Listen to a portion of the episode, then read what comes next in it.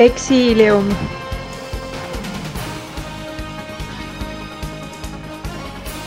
Exilium.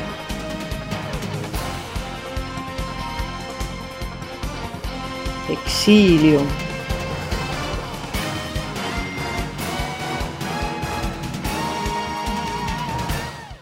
Exilium.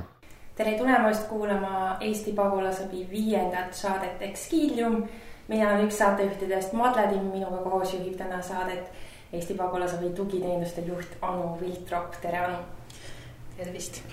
millest me täna rääkima hakkame, Anu?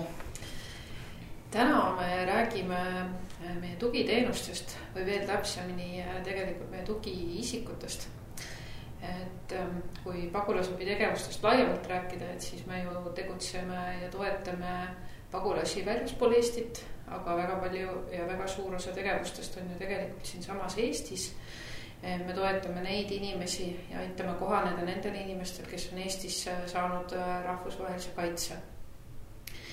tugiisikud on nende kõrval olnud juba see oli vist aastal kaks tuhat kolmteist, kui me hakkasime sellist tugiisiku teenust äh, inimestele pakkuma, alguses oli see vabatahtlik roll, äh, nüüd äh, on ta juba kasvanud selliseks ähm, tunnipõhiselt tasustatud juba selliseks kõrvaltööks. aga tugiisikud tavaliselt väga palju näha või välja paista ei ole. Ja seetõttu ma arvan, et see saade võiks ollagi pühendatud just neile ja, ja nende tööle saates kuulame täna ka kahte reportaaži. üks on siis tugiisiku äh, Mirjamiga Tartust ja teine on reportaaž Saaraga Afganistanist, kes siis on üks meie klientidest olnud. Anu, ma tean, et sina olid tema tugiisik äh, mõni aasta tagasi. et kuulda ka siis kliendipoolset arvamust, äh, kuidas tema meelest meil läks. ja saates on külalisena ka Eesti Pagulasabi kohanemisprogrammi koordinaator Laura Ombler nüüd aga kuulame natukene muusikat.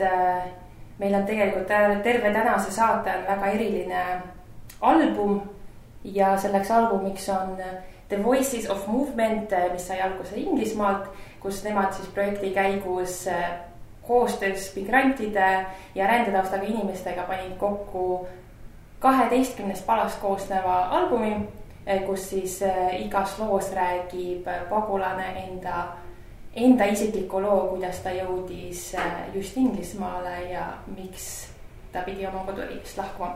kuulame esimest laulu, milleks on Olive Tree. I heard the proverb Someone sitting in the shade today because someone planted a tree a long time ago.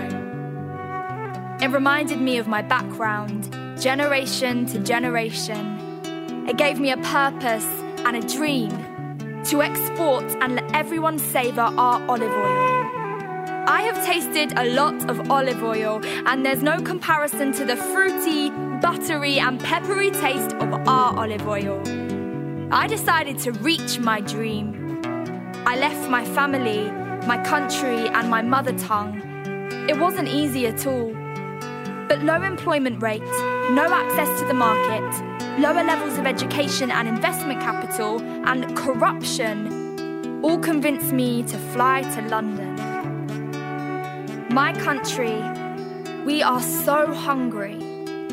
In here, the stomach, and in here, our heads. London will help me to go fast, fast and faster, learn English, speak nice, study business, build life. When I arrived here, it was not as easy as I thought. I was lost in the dark. I had no one beside me, nothing except my faith in God. I found a job as a kitchen porter in a Japanese restaurant. I didn't realize I wanted to be a chef, but it comes naturally. I always had to help my mum at home. I used to do all the preparation for her. At the start, language was a barrier. Low wage, not many hours, no confidence. But now I'm on an English course at one of the best colleges in London. And next September, I will study business management. The dream is always still back on the farm with the olive trees. Here, I am a sushi chef wanting to improve my English. There, I know the technique of creating perfect olive oil. tere tulemast tagasi kuulama raadiosaadet Eksiilium. täna räägime Eesti pagulasabi poole pealt tugiteenustest. Anu, mul on sulle kohe esimene küsimus. mida tähendab tugiteenused? No tugiteenused võib tähendada eh, väga paljusid asju, eks. Eh, meie tugiteenus, mida siis meie rahvusvahelise kaitse saajatele pakume, eh, sisaldab siis selliseid komponente nagu esiteks tugiisik teiseks me pakume erinevaid töötubasid nendel teemadel, mis meile tundub, et inimestel vaja on.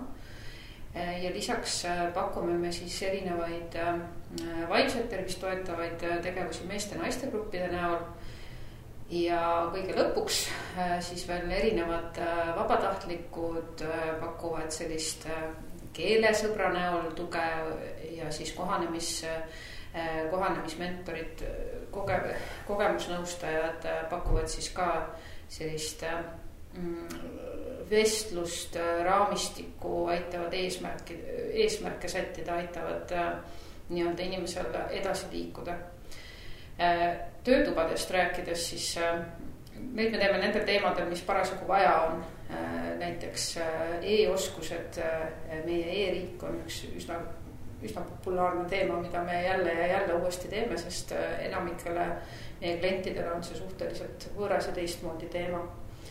eriti sellel ajal, kui meil, kui meile jõudis rohkem sõja eest pagenud Süüriast pärit esmajoones Süüria, Süüriast pärit inimesi, siis äh, me tegime väga tihti vanemlike oskuste töötubasid, äh, et aidata inimestel meenutada, et pärast seda pikka teekonda, kui nad lõpuks Eestisse jõudnud on, et kuidas siis ikkagi luua lapsele uuesti seda turvalist äh, ja talle eakohast kasvukeskkonda. me oleme teinud ettevõtluskoolitusi nendele inimestele, kellel on ärimõtted peas oleme teinud tööotsimiskoolitusi nendele inimestele, kelle tööotsimine on võtnud kauem aega, nii et nii nagu vaja on, nii me neid töötubasid siis äh, loome ja läbi viime. meeste ja naiste grupp on võib-olla siis ka sellised iseäralikud asjad, et mis see siis on, et äh, oleme tähele pannud, et, et, et mm, väga paljuski asjades on ikkagi oma soost inimestega kuidagi natukene turvalisem olla. et kui naised saavad kokku, meie kliendid, pagulased koos, koos siis erinevate vabatahtlikega erinevatest maailma nurkadest, et siis koos tehakse erinevaid asju, no näiteks õpitakse jalgrattasõitu või valmistatakse kreeme või kehakreeme näiteks või tehakse veel, ma ei tea, grilli Äh, siis ühtlasi tekib inimeste vahel selline soe side, äh, tekivad äh, omavahelised kontaktid, võib-olla ka sõprussuhted.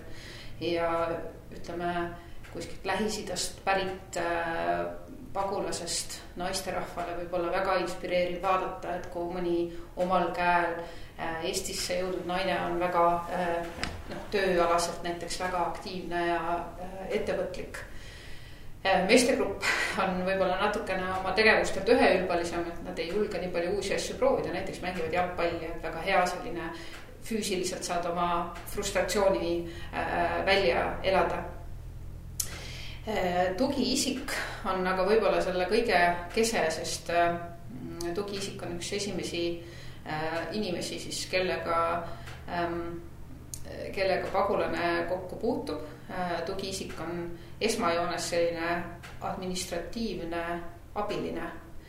mina kasutaks pigem võib-olla metafoori, et nagu kaasteeline, et ta aitab inimesel ennast äh, sisse sättida, iseseisvuda, aitab luua kontakte, aitab võrgustada, aitab selgitada õigusi, kohustusi. Äh, ja hiljem ajas tugiisiku roll pigem väheneb nii nagu inimene iseseisvub ja, ja see tee paratamatult siis kunagi peaks Äh, saama siis ka lõpu. Laura, sina oled see üks kese, samamoodi nagu Anu mainis ja sa oled tugiisik.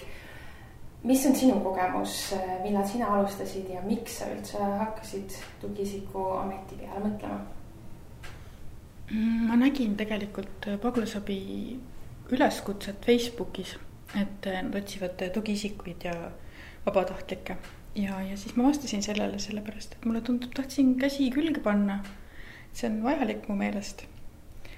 ja, ja siis alguses neil ei olnudki tegelikult mulle pakkuda tugiisiku tööd ma olin nagu värskelt Tallinnasse tulnud ja ei olnudki midagi ja siis ma hakkasin naistegrupis äh, Marielli aitama. ja siis lõpuks, äh, lõpuks ma ka sain oma esimese pere. Võib-olla natuke seda konteksti tuua ja kuidas need asjad siis nii-öelda päriselus äh, käivad, siis milline oli see sinu kogemus sinu esimese perega? Mm, no peres oli kolm last, et siis oli nagu tükk tegemist, sellepärast et kõik lapsed on ju vaja kooli ja saada ja et küsin vahele, mis riigist nad äh, tulid? Süüriast. Äh, Süüriast äh, ja, et suur pere. Kõige noorem laps on erivajadusega ja see tähendas seda, et tegelikult, et noh, mul ei olnud tegelikult üldse teadmisi ka sellest maailmast, et kuidas seal üldse orienteeruda, veel vähem, eks ju, vanematel.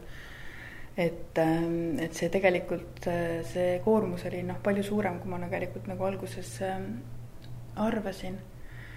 aga kõik noh, kõik sai korda, kõik sai tehtud eh, lihtsalt ja, ja tulid ka teadmised et eh, ja.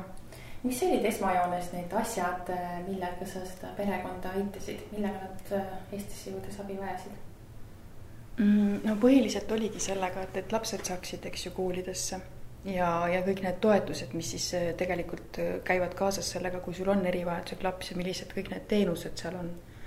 aga no ka kõik töö otsimine selles mõttes ka kõiksugused arstid on läbi käidud mm,. Noh, toetused. kõik see, kuidas see süsteem siin käib, et noh, tegelikult äh, ma ka päris palju käisin ja käin siiamaani ju tegelikult Töötukassas kaasas, sellepärast et meil ei ole ju tõlke.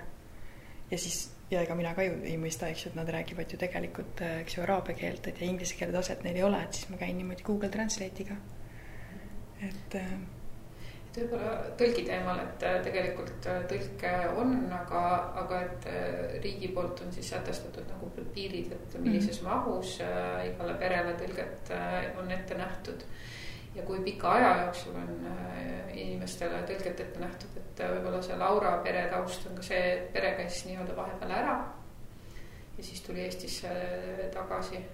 Ja, et ei olnudki mujal tegelikult väga palju parem. ja, ja sellega ka tegelikult noh, ja lapsed, eks ju, õpivad üsna ruttu keele ära ja tegelikult neil ka vanem äh, laps tegelikult juba oskas mingil määral eesti keelt. ja noh, päris palju asju ajab ka nende eest, et selles mõttes see on ka selline üks asi, mis, mis mõnes mõttes teeb minu töö lihtsamaks, aga teisest küljest jällegi paneb päris suure nagu koormuse selle lapse peale tugiisikuna, Laura, sa puutud kokku väga paljude erinevate inimestega väga erinevatest kultuuritaustadest. mis on sinu jaoks olnud võib-olla kõige üllatavam kogemus mm,? võib-olla, mm, võib-olla see, et meil on siin selline ettekujutus, mm, et, et seal kuidagi selline meeste maailm on, eriti just need riigid, eks ju, kus pagulased, kes tulevad Lähis-Idast.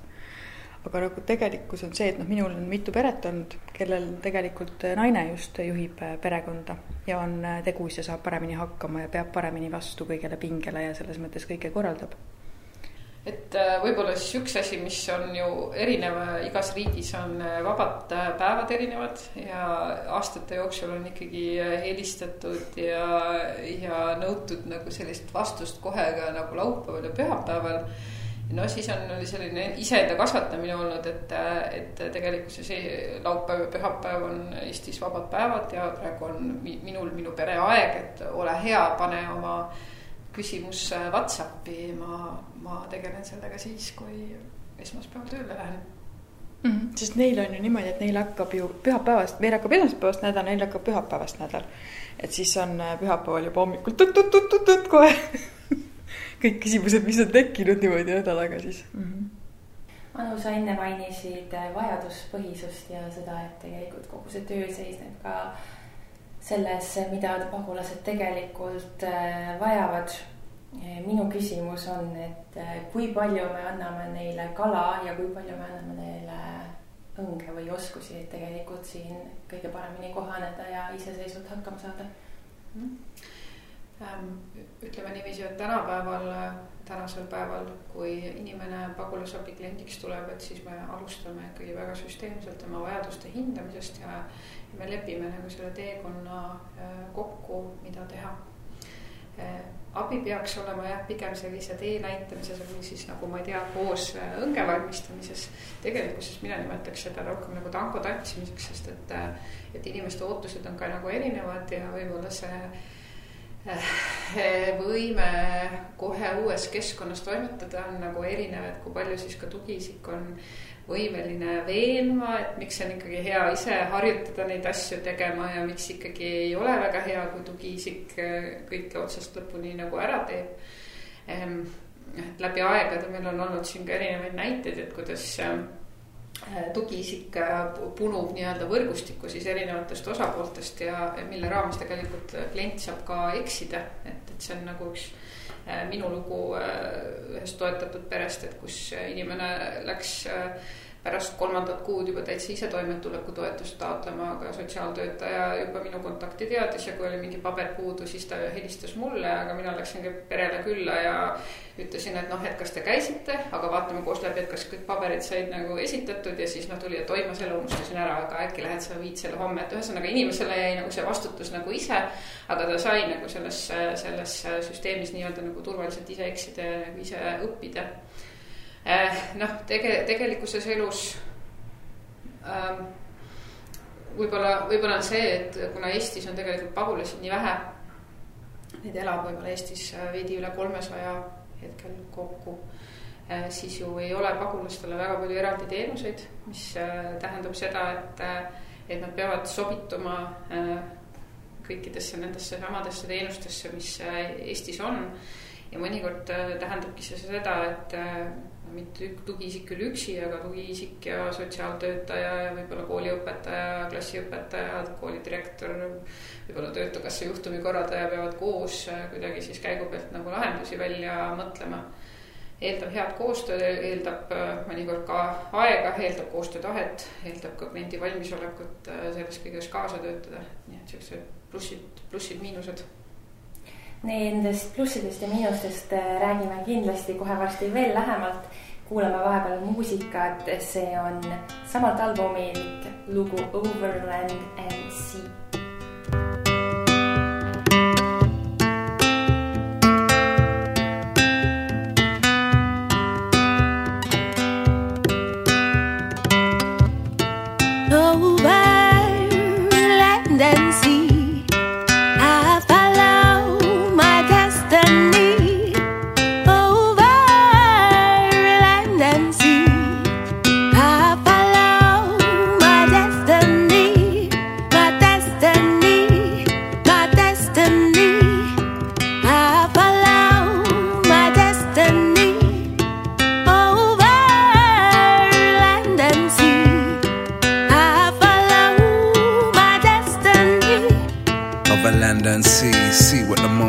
plan for me over land and sea. Run from my home so I can be free Over land and sea.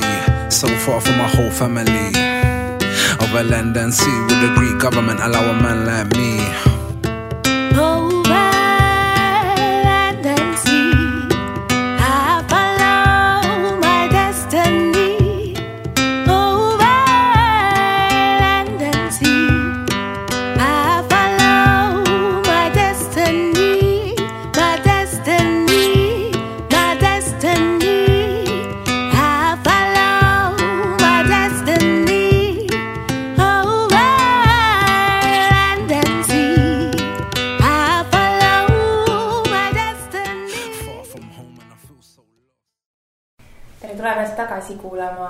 Exiilium.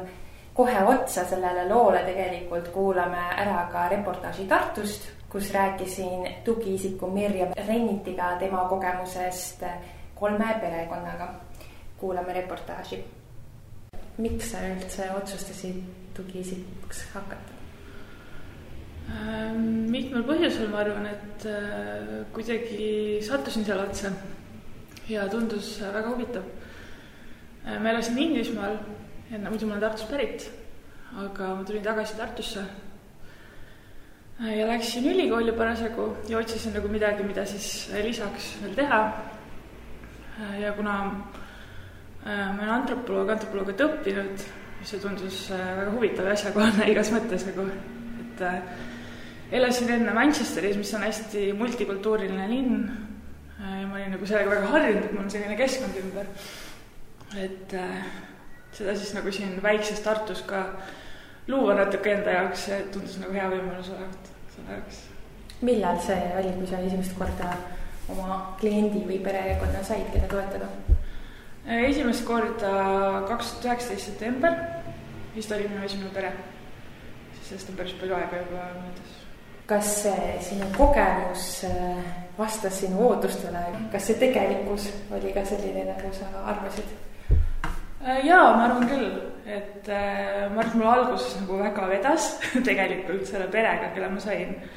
et see pere, mul on nüüd olnud kokku kolm peret, et esimene pere võib öelda oli väga mitteprobleemne, et nendega nagu äh, sujus kõik väga hästi, sest et nad olid siin juba mõnda aega olnud äh,. ja neil oli nagu elu otsapidi juba paigas äh,. isal oli töökoht ja lapsed olid juba koolis neil oli nagu endal arusaam, et äh, mis võiks nagu minu roll olla äh, nende, nende elus ja, või noh, kuidas mina saaksin neid aidata, ehk siis meil oli kuidagi, tekkis selline väga stabiilne nagu hea suhe.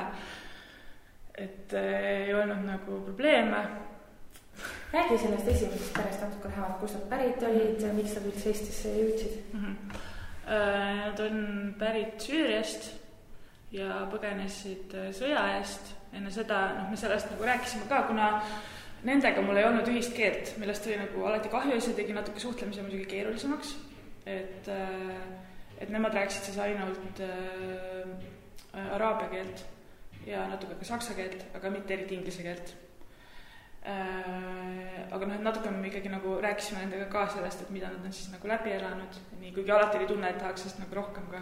aga kuidas sa siis nendega üldse suhtlesid, kui äh, nemad räägivad araabia keelt ja sina räägid äh, teisi keeli? telefoni teel niimoodi Google Translate'iga muudkui järjepidevalt ütled seda lauset sinna ja siis tuleb enam-vähem õige, loodad, et tuleb enam-vähem õige lause välja, kuigi vahel, kui sa seda tõlgetad eesti keeles, siis see oli ikka täiesti segane.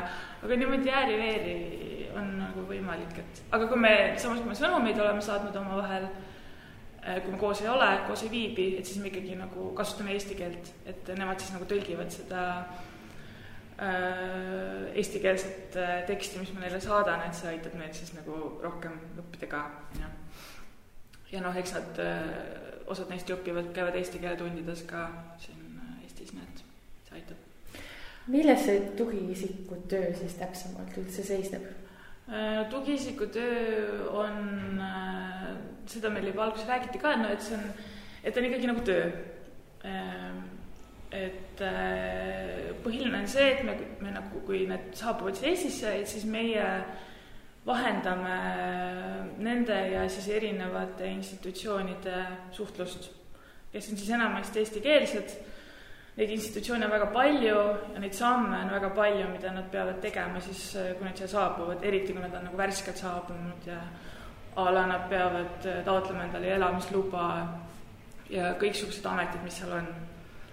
ja noh, muidugi kõik nagu koolid, see võib olla töökoha otsimine, see võib olla korterite otsimine, ehk siis nagu kõik see bürokraatlik äh, noh, ühiskond, milles me elame, et, et see on nagu nende esimene äh, samm, mis nad siin peavad siis tegema, on sellega kuidagi siis nagu haakuma või, või suhtlema ja noh, neil on, oleks nagu väga keeruline seda teha, kui keegi, eh, kes on kohapeal ja kes teab nende asjade kohta, kes valdab keelt, eh, kes siis nagu ei vahendaks eh, seda suhtlust. et tegelikult see on nagu põhiline. ja noh, lisaks muidugi ka ikkagi nagu mingil moel äh, moraalset tuge pakkuda, et olla see noh, kohalik, kes nendega nagu avatult äh, suhtleb. et muidu nad ju tulevad siia ja noh, enamasti nad ikkagi, mis on muidugi väga tore, et neil on see, need väiksed kogukonnad siin tekkinud äh, siin Eestis ka, nii Tartus kui Tallinnas. et ja siis nad nagu omavahel suhtlevad, et see on neile väga suureks toeks ja nad kindlasti nagu kuulevad ja saavad sealt ka väga palju abi aga siis ma arvan, ma lihtsalt ise näen, et see on nagu väga oluline, et enda rollina, et teha, keegi nagu kohalik ja kes oskab neile nagu muust ka rääkida, on ju, kommetest ja üldse nagu kuidas see elu siin on ja keegi, kes lihtsalt on nende vastu sõbralik ja avatud. kas see side, mis sa lood nende perekondade või inimestega, kas see pigem jääb professionaalseks ja ametialaseks või sa ikkagi saad siis nendega nii hästi tuttavaks, et nad võtavadki sind kui sõpra ja sina tunned ennast kui nende pereliige? No see on selline hästi, seda ma olen kogenud ka nüüd läbi nende kolme pere, et see on selline piir, et seda, seda nagu ühtepidi oluline hoida, et jah, et see, see tegelikult see ikkagi ei ole nagu nende sõber päriselt, on ju äh,. aga noh, samas sa ei ole päris, sa ei ole mingi ametnik ka, et see ongi selline nagu täiesti kahe vahel, et et äh, ühtepidi teed tööd, aga noh, teistpidi sa ikkagi, te mõlemad nagu avate üksteist või ennast äh, üksteisele.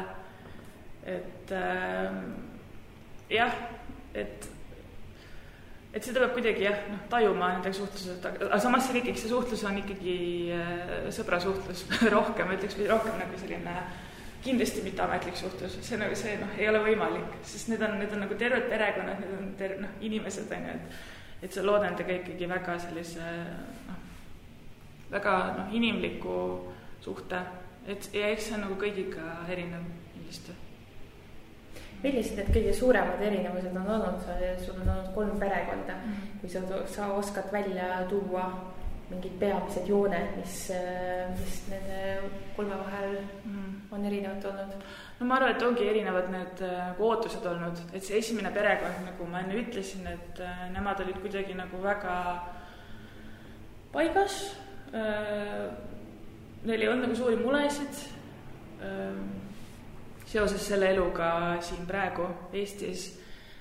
ja et võib-olla muidugi ma tajusin, et nad natuke ootasid minult rohkem võib-olla, et ma käiksin neil rohkem külas näiteks, noh, mida ma lihtsalt ei jõudnud eh, tihti teha ja alati, kui, kui ma läksin sinna nende juurde, siis oli kuidagi see ootus, ma tajusin, et noh, et jää ikka kauemaks, on ju, sest et noh, ma arvan, et neil on üleüldiselt nagu sellest suhtlemisest puudus, on ju, sest et noh, neil ei ole sellist kogukonda siin, nagu neil seal Süürias on, on ju aga siis ma tajusin, et siis peab noh, enda, noh, siis tekib endal ka see tunne, et jaa, et muidugi noh, tahaks nagu rohkem anda, aga peab nagu enda vastu ka aus olema, et äh, ei, et äh, nüüd ma nagu lõpetan.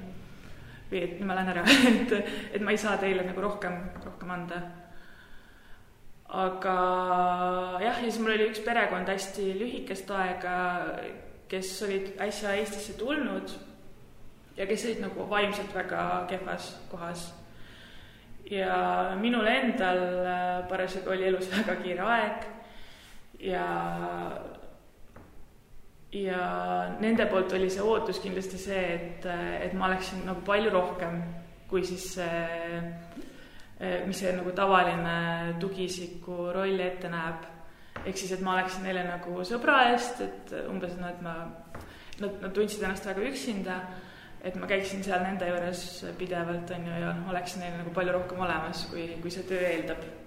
et seal kindlasti nagu tekkis selline konflikt, mis siis lõpuks lõppeski sellega, et et need ootused olid lihtsalt või need eeldused olid nii erinevad, et me nagu ei saanudki tegelikult seda mm, nagu suhet jätkata, äh, mis näitabki, et tegelikult, et selle töö juures on nagu nii oluline, et äh, teil mõlemal poolel oleks kuidagi vähemalt enam-vähem sarnane arusaam sellest, et mis on minu roll ja mida, mis on nende ootused.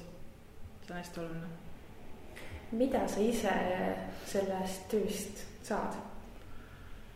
Äh, huvitav on sest et äh, jah, huvitav on äh, esiteks näha, kuidas, kuidas need inimesed siin ühiskonnas elavad ja, ja väga huvitav on nagu peredega minu meelest just äh, töötada, tervete peredega, ehk siis äh, neil kõigil on ju nagu erinevad elud äh,. siin äh, Eestis, et neil on kõigil erinevad vajadused ja et kuidas neid siis saab nagu aidata äh,. Ja üldse lihtsalt minu jaoks on nii huvitav äh, suhelda äh, teisest kultuurist inimestega, just huvitav ja jah, ja aidata nagu neil kuidagi siin kohaneda. noh, pidevalt ikkagi, noh, ma olen seda ka näinud ja natuke nendega rääkinud, et see, see koduigatsus on ju nii suur tegelikult just nagu pereliikmete järele. et midagi nagu, mida ei kujuta ette või seda, et sa ei saa minna, sa ei saa neid näha. Või noh, tõenäoliselt ei saa. kuidas see su enda vaimsele tervisele mõjub, kui sa kuuled neid lugusid ja näed, kuidas, kuidas see neid mõjutanud on ähm,? see teeb mind kurvaks, ma olen ise üsnagi siukse tundliku natuuriga ja jah, ja see, see on mind ikka kurvaks teinud, et äh, tekib selline tunne, et tahaks ju noh, aidata. Et kui meil oleks teistsugune ja parem maailm, siis, siis meil ei oleks selliseid äh,, selliseid olukordi. aga jah, eks see, eks see nagu toob maa peale ka, et, et maailmas on nagu nii palju kannatust ja see teeb tänulikuks ka, ma arvan. et, et mul on, ma olen üldse mõelnud selle peale, et noh, et mul on üldse võimalik, elada siin, noh, kui ma olen nende inimestega koos, et siis, siis ma pidevalt mõtlen selle peale, kuidas äh, nad on justkui noh, nad on ju ära võetud nagu nende loomulikust või noh, nad on ära pidanud minema nende loomulikust keskkonnast, äh, ilma et nad seda tahaksid ja kui, kui keeruline see on. ja siis ma mõtlen, et missugune naine, et mina saan noh, siin olla ja see on nii lihtne siin elada minul, sest et kõik on nii tuttav. See oli Mirjam Rennit, tugiisik Tartust, täna meil stuudios aga Anu Viltrop ja Laura Ombler. mõlemad te olete kokku puutunud või puutute ka praegu tugiisiku ametiga kokku kuidas teile praegu tunne jäi, kas te suudate samastuda Mirjami kogemusega Laura esimesena mm? -hmm. No mulle jäi kõrva kohe see, et kuidas, et see selline, et kus kas sõber või, või siis nagu selline tugiisik, kes lihtsalt aitab administratiivsete asjadega. et äh, see selles mõttes selline lähedane suhe on nagu hästi kerge tekkima, kui sa oled see esimene inimene Eh, kelle käest esialgu vähemalt kõike küsitakse ja noh, kõik käib läbi sinu, eks ju, sa vahendad neile nagu kõike, alates sellest eh, noh, isegi noh, mingitest, kust poest, mida saab, eks ju, et see kõik on nagu kuidagi käib. Et siis noh, tahes-tahtmata tekivad need sellised, et, et kust maalt see sinu selle vastutuse piir läheb. Merje mainis ka kogukonda, kui oluline. See on nendele, kes äh, tulevad äh, näiteks Süüriast või Türgist Eestisse, kui neil on oma rahvuskaaslased juba ees, siis see teeb asja lihtsamaks. sinu vaatepunktist, äh, kas see pigem aitab neil Eesti ühiskonnas kohaneda või see sulgeb, suleb nad just sinna oma mulli sisse? no see oleneb selles mõttes, et see kogukond on siin suhteliselt väike et kui seal peaks midagi juhtuma, eks ju, siis neil ei ole nii lihtne tegelikult leida endale uut kogukonda, siis siin ei ole sellist. et ähm, no, et see oleneb jah, ma ei, ähm, mingis mõttes aitab äh, võib-olla, kui inimesed sobivad aga siin on ka ju tekkinud nagu erinevad kogukonnad, eks ju, et, äh, et siin tegelikult ei ole enam see, kui sihuke üks suur kogukond, kes siin Eestis on, vaid on ka erinevad, nii nagu ikka inimesed suhtlevad. Nii kuidas neile sobib. jah, et ega ütleme, pagulased ei ole ju kuidagi selline eh, ühe, ühesugune nii-öelda seltskond, et nad tulevad ju ka väga erinevatest äh, riikidest, eks, et äh, ja on väga erineva emakeelega, mis tõttu ka tekivad sellised erinevad kogukonnad, aga jah, et see võib-olla Laura mainis, et ka siis äh, nii-öelda Süüriast tulnud inimestel on ka siis selline oma kogukond olemas, on Tallinnas kui Tartus, aga, aga ongi, et need inimesed on jälle sunnitult kokku pandud, nad sunnitult ühe, ühes linnas. Nad on sunnitud kokku puutuma, sellepärast et teisi selliseid noh, samasuguse taustaga inimesi ei ole. ja noh, kui seal ikkagi konflikt nii-öelda läbi lainetab, mõnikord ikka tekib lähedastes suhetes ikka tekib, et, et, et siis see mõjutab, noh, see mõjutab kõike, see võib mõjutada seda, et kes meil tuleb äh, näiteks mingi naistegrupi üritustele või kas meestegrupi üritusel mingisugused inimesed on nõus ühte meeskonda minema või, äh, või, või, või mitte. aga võib-olla sellest äh, suhtest siis ka, et, et kui tugiisik on tõesti mõeldud esmajoones siis administratiivseks toeks ja sellisteks õiguste, kohustuste selgitajaks ja selliseks võrgustajaks, siis samas tegelikult hea suhe on ikkagi usalduslik suhe ja, ja sinna nii-öelda tasub investeerida, eks, et äh, panustada oma aega. Ja minu meelest siin ei olegi küsimus, et kas sa nii-öelda öelda, oled tööl või oled ametnik, noh, kui sa teed ikkagi tööd südamega, siis sa ka noh, suhtled südamega. noh, noh, see kindlasti ei ole nagu pigem sõbrasuhe, ta pigem ongi siis tugiisik, ta pigem ongi kaasteeline et kui minu tugiisiku kogemuses, mis nüüd küll on juba mitme aasta tagune, oli see alati oluline nagu välja öelda, et, et ma ei ole sõber, ma olen lihtsalt teie kõrval. ma aitan teid, noh, ma, ma, ma mõtlen teie peale. ma toetan teid nii nagu, nagu, nagu oskan, aga, aga et see on nagu minu võimuste, võimuste piir. Samas on ju tugiisik ka keegi, kes on perel kõrval natuke pikema aja jooksul ja tegelikult näeb peret rohkem ja tihemini kui väga paljud teised ähm, osapooled, näiteks sotsiaaltöötaja või, või Töötukassa juhtumikorraldaja. ehk siis tugiisik tegelikult väga sageli märkab igasuguseid asju, et kui seal on kas vaimse tervisega näiteks hakkavad tekkima äh, takistused või probleemid või kui, kui seesama koduigatsus läheb nii suureks või kui või on mingisugused muud asjad kuidagi äh, kerkivad äh, ette. et, et ühesõnaga, mul on väga raske ette kujutada, et tugiisik saab olla noh, üldse oma äh, hinge sinna sisse mitte panemata. et sa, niiviisi sa ei saa oma tööd nagu väga hästi ilmselt teha kui sa teed oma tööd südamega ja paned oma hinge sinna sisse, siis kuulates neid lugusid, mis on tihtipeale väga rasked ja, ja kui neil on endal vaimse tervisega ka raskusi, siis kuidas see mõjutab sinu kui tugiisiku enda vaimset tervist? ma arvan, et sellest peab teadlik olema, et, et, et need teemad seal on. küll aga minu meelest jällegi üks oluline tugiisiku aspekt on see, et ja ma pean alati respekteerima teist täiskasvanud inimest, eks ole, et tema on ise oma elu ekspert, tegelikult tema ise teab, tema ise vastutab. ja kui tema ise jääb kuskile kinni ja ta sinu tuge ei soovi või mingitel teemadel vestelda ei soovi, no näiteks ta ei, ta ei usu, et selja või peavalu äh, võib olla ka mingisuguse vaimse tervise, tervisega seotud, seotud selline äh, väljund Äh, siis äh, sa lõpuks peadki nagu aktsepteerima seda, et ta on täiskasvanud inimene, ta teeb ise, ise neid otsuseid. ja tegelikult see aitab iseennast ka tervemana hoida, sest ükskõik, kas ma olen siis tugiteenuste juht või ma olen siis tugiisik või, või olen keegi teine või kolmas. Ma ei saa elada ühegi täiskasvanud inimese elu tema eest seda peab ta ikka ise tegema. Laura? jah, ma olen Anuga nõus. et selles mõttes, et meie võime arvata, et noh, et nüüd on kellelegi hirmsasti teraapiat vaja ja tahame ta sinna viia, aga kui ta ikka ütleb ei, siis ei saa midagi teha. noh, muidugi see on selles mõttes nagu, et see mõjub nii, et sa mõtled selle peale, sellepärast et justkui sina nagu tead sina tead, et tal on probleemid, aga paljud inimesed, kes tulevad teisest kultuuriruumist, neil ei olegi seda sellist nagu teadmist teadlikkust oma vaimsest tervisest või noh, et, et kui mul on mingid kehalised sümptomid või isegi nagu noh, täiesti sellised noh, ma kogu aeg magan, mul on kogu aeg, eks ju, meeleolu ära, ta ei tea, et tal on depressioon näiteks või et tal on posttraumaatiline stressihäire.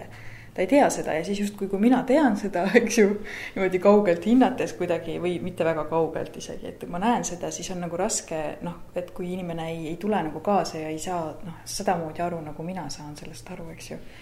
justkui et võib-olla see kohanemine on selline kompott, eks ole, nendest administratiivsetest asjadest, mis justkui peaks tegelikult ka ju olema korras, eks ole, et ma pean ikkagi olema võimeline leiba lauale ostma ja, ja soovitavalt ikkagi leidma endale töö või mingisugused sotsiaalsed suhted ja mingisuguse äh, väljundi, et, et, et siis hoida ka vaimset tervist. Ja samal ajal, kui kui ma tõesti tahan kogu aeg magada ja mul kogu aeg valutab, eks ole, et, et siis mul ei ole nagu kasu selles, kui, äh, kui kõik need muud asjad on nagu olemas, et, et kuidagi nagu peavad äh, käsi, käsikäes äh, tulema ja see eeldab ikkagi sellist jah, süvenemist, austust inimese vastu. noh, võib-olla siis sellist pieteeditunnet, et neid erinevaid teemasid siis ikkagi adress, adresseerida, nii-öelda kole sõna, aga, aga jah, et, et usaldusliku usaldusliku suhtega on, on võimalik ikkagi kaugemale jõuda ja on või, võimalik ikkagi see, et see teine täiskasvanud inimene on valmis sind vähemalt kuulama, et kui sina näed nagu seda muret, et mina olen olnud sinu kõrval ja mina märkan sinuga, et kas sina oled ka neid asju märganud, äkki arutame koos läbi no sõnas tugiisik, äh, sõna tugi juba tähendab seda, et te pakute kellelegi tuge. aga mis on see, mis teile selle töö, töö juures tuge pakub või miks te seda üldse tahate teha, mida te õpite, mis see teile juurde annab?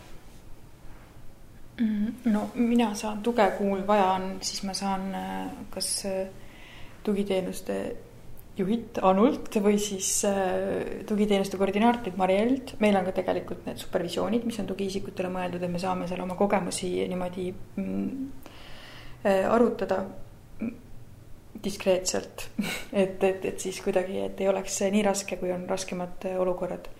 aga mm, no ma üldiselt, ma arvan, et seda tugiisiku teenust on tegelikult väga vaja seda on vaja nendele pagulastele, kes meil siin on ja seda noh, tegelikult see on ka noh, selles mõttes ka Eesti rahva hüvanguks, kui meil on siin pagulased, kes on nagu rahul. et selles mõttes, et kõik nagu, et ühiskond toimib niimoodi korralikult, et kõik on jah. kuulame vahepeal natukene muusikat. see on lugu nimega Unveiled Heart. Feed through المحبة. فتنا بعيد مسافة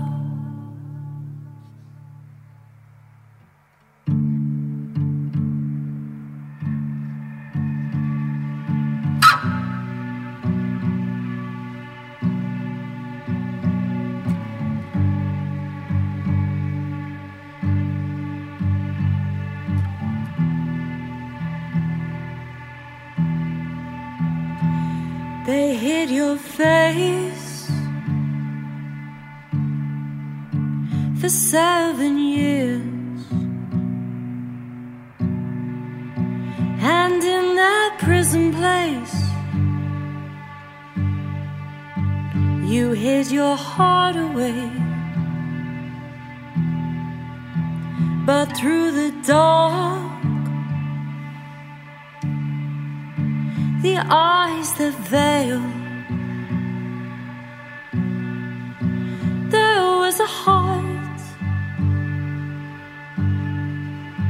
that wouldn't fade away.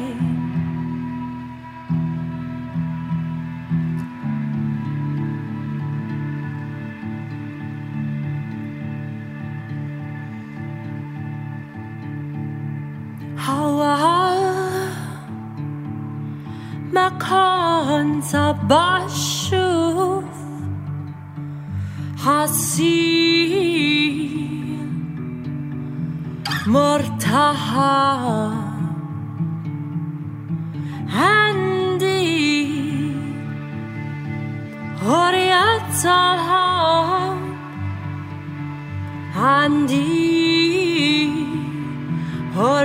guitar through shreds of song with threads of hope whispering broken words. When tears let flow, when you were young. you shared your voice. Mother and sibling song. They filled a house with love.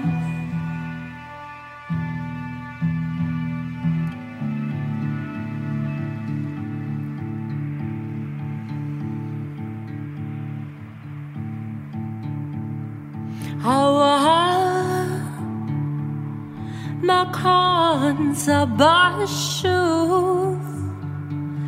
I see مرتاحة عندي حریت الحب عندي حریت الحب You found your feet on foreign soil Sometimes it takes a leap to let your life unfold.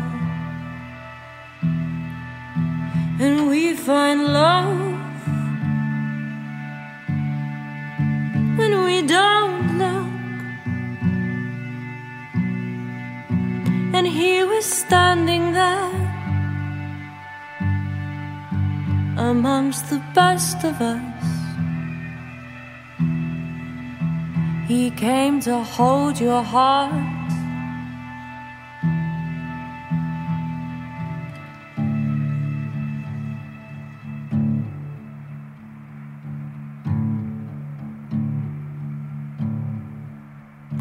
في دروب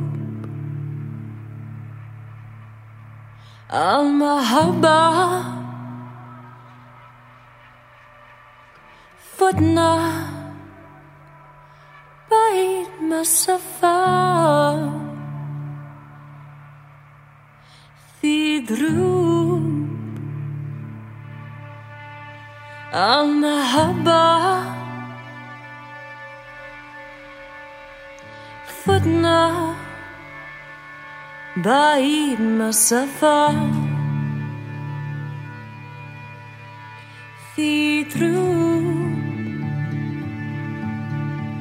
المحبة فتنا بعيد مسافة see on Eesti Pagulasabi raadiosaade Eksiilium. kuulame kohe siia otsa reportaaži Afganistanist pärit Saaraga. tema tuli Eestisse umbes kuus aastat tagasi õppima ämmaemandaks. lõpetas kooli ja otsustas taotleda asüüli, mille ta ka sai. ja seejärel jõudsid Eestisse ka tema neli last. muuhulgas oli Saara tugiisikuks tol ajal ka Anu, kes on meil täna stuudios ja kellega saame siis temapoolset vaadet kuulda juba pärast reportaaži. Hello, my name is Zahra and my last name is Akbari. I'm from Afghanistan and I came here five or almost six years ago in Tallinn. Uh, you know, uh, six years ago I was a teacher in university uh, as a midwife teacher and um, I don't have any plan, uh, but I always thinking about my country situation. You know, it, for the woman, it was not like uh, able to drive the car, to walk in the street without, uh, we call it mahram, I don't know, with someone. Even you take with you a five or six years old boy, it was okay, but when you don't have any man with you, it was not it was like a past the time of uh, the Taliban. Taliban was not there, but in some part of we have we had a still we have a problem and war with them. But for me, uh, for a single mom who have a, like a, three young girls and a little boy, little boy, it for me was really mm, like a scary and so bad situation that I was always thinking how I can go somewhere else to find a peace for my kids. But once I was driving in the street, some man, she like dropped some big stone to my glass of car and the, all the glass was broken come to the, like, so was that uh, story and memory. I never forget it in the like uh, I was living in the north of Afghanistan. That part was little bit like a peaceful, not totally, but still the man they they have a different thinking about the woman. Why the the woman is like a, driving the car and why he is outside without any man. That's why I decided to stay here. But my decision was not like a here. I had a plan to go somewhere else, but uh, when my invitation it was here, I decided to be and bring my kids here. That's all. Uh, yeah, you know, uh, after um, finish my study, I decided to be here and I leave my group. I went to the, me in the refugee center for a, I think I was there for a seven months in refugee center. After when I got my positive answer, uh, I moved from the wow center to the Tallinn. I never know. I, I, I don't have any idea what I have to do. I find honor. It was, I, I think, unforgettable, uh, unforgettable person in my life in She helped me a lot about everything. She gave me, uh, she showed me in the university, uh, Tallinn Ülikool for study girl. And I know the basic of the Estonian language. She find for me a job. I was, I went to the some bakery. I worked there when my kids coming. She was so kind and helpful for me, and she helped me a lot. And even I never know how I can work with the card or something or how I can pay some my payment or she showed me even in my tablet she worked with me and she showed me how I can go to my bank account and mm, look what happened is there.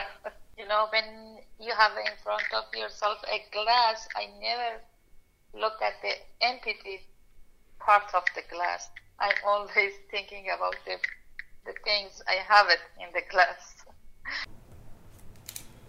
see oli Saara Afganistanist üks nendest pagulastest, kes on saanud tugiteenuseid Eesti pagulasabilt. Anu, sina olid Saara tugiisik sinu vaatepunktist. kuidas läks Saara kohanemine mm? -hmm. minu esimene nii-öelda pere ja võib-olla sealt jutust tuli välja ka, et kui palju aega on vahepeal edasi liikunud, et tänasel päeval on meil väga süsteemne keeleõpe juba riigi poolt ette nähtud, eks ole, ja ja, ja paljud muud asjad on palju rohkem paigas.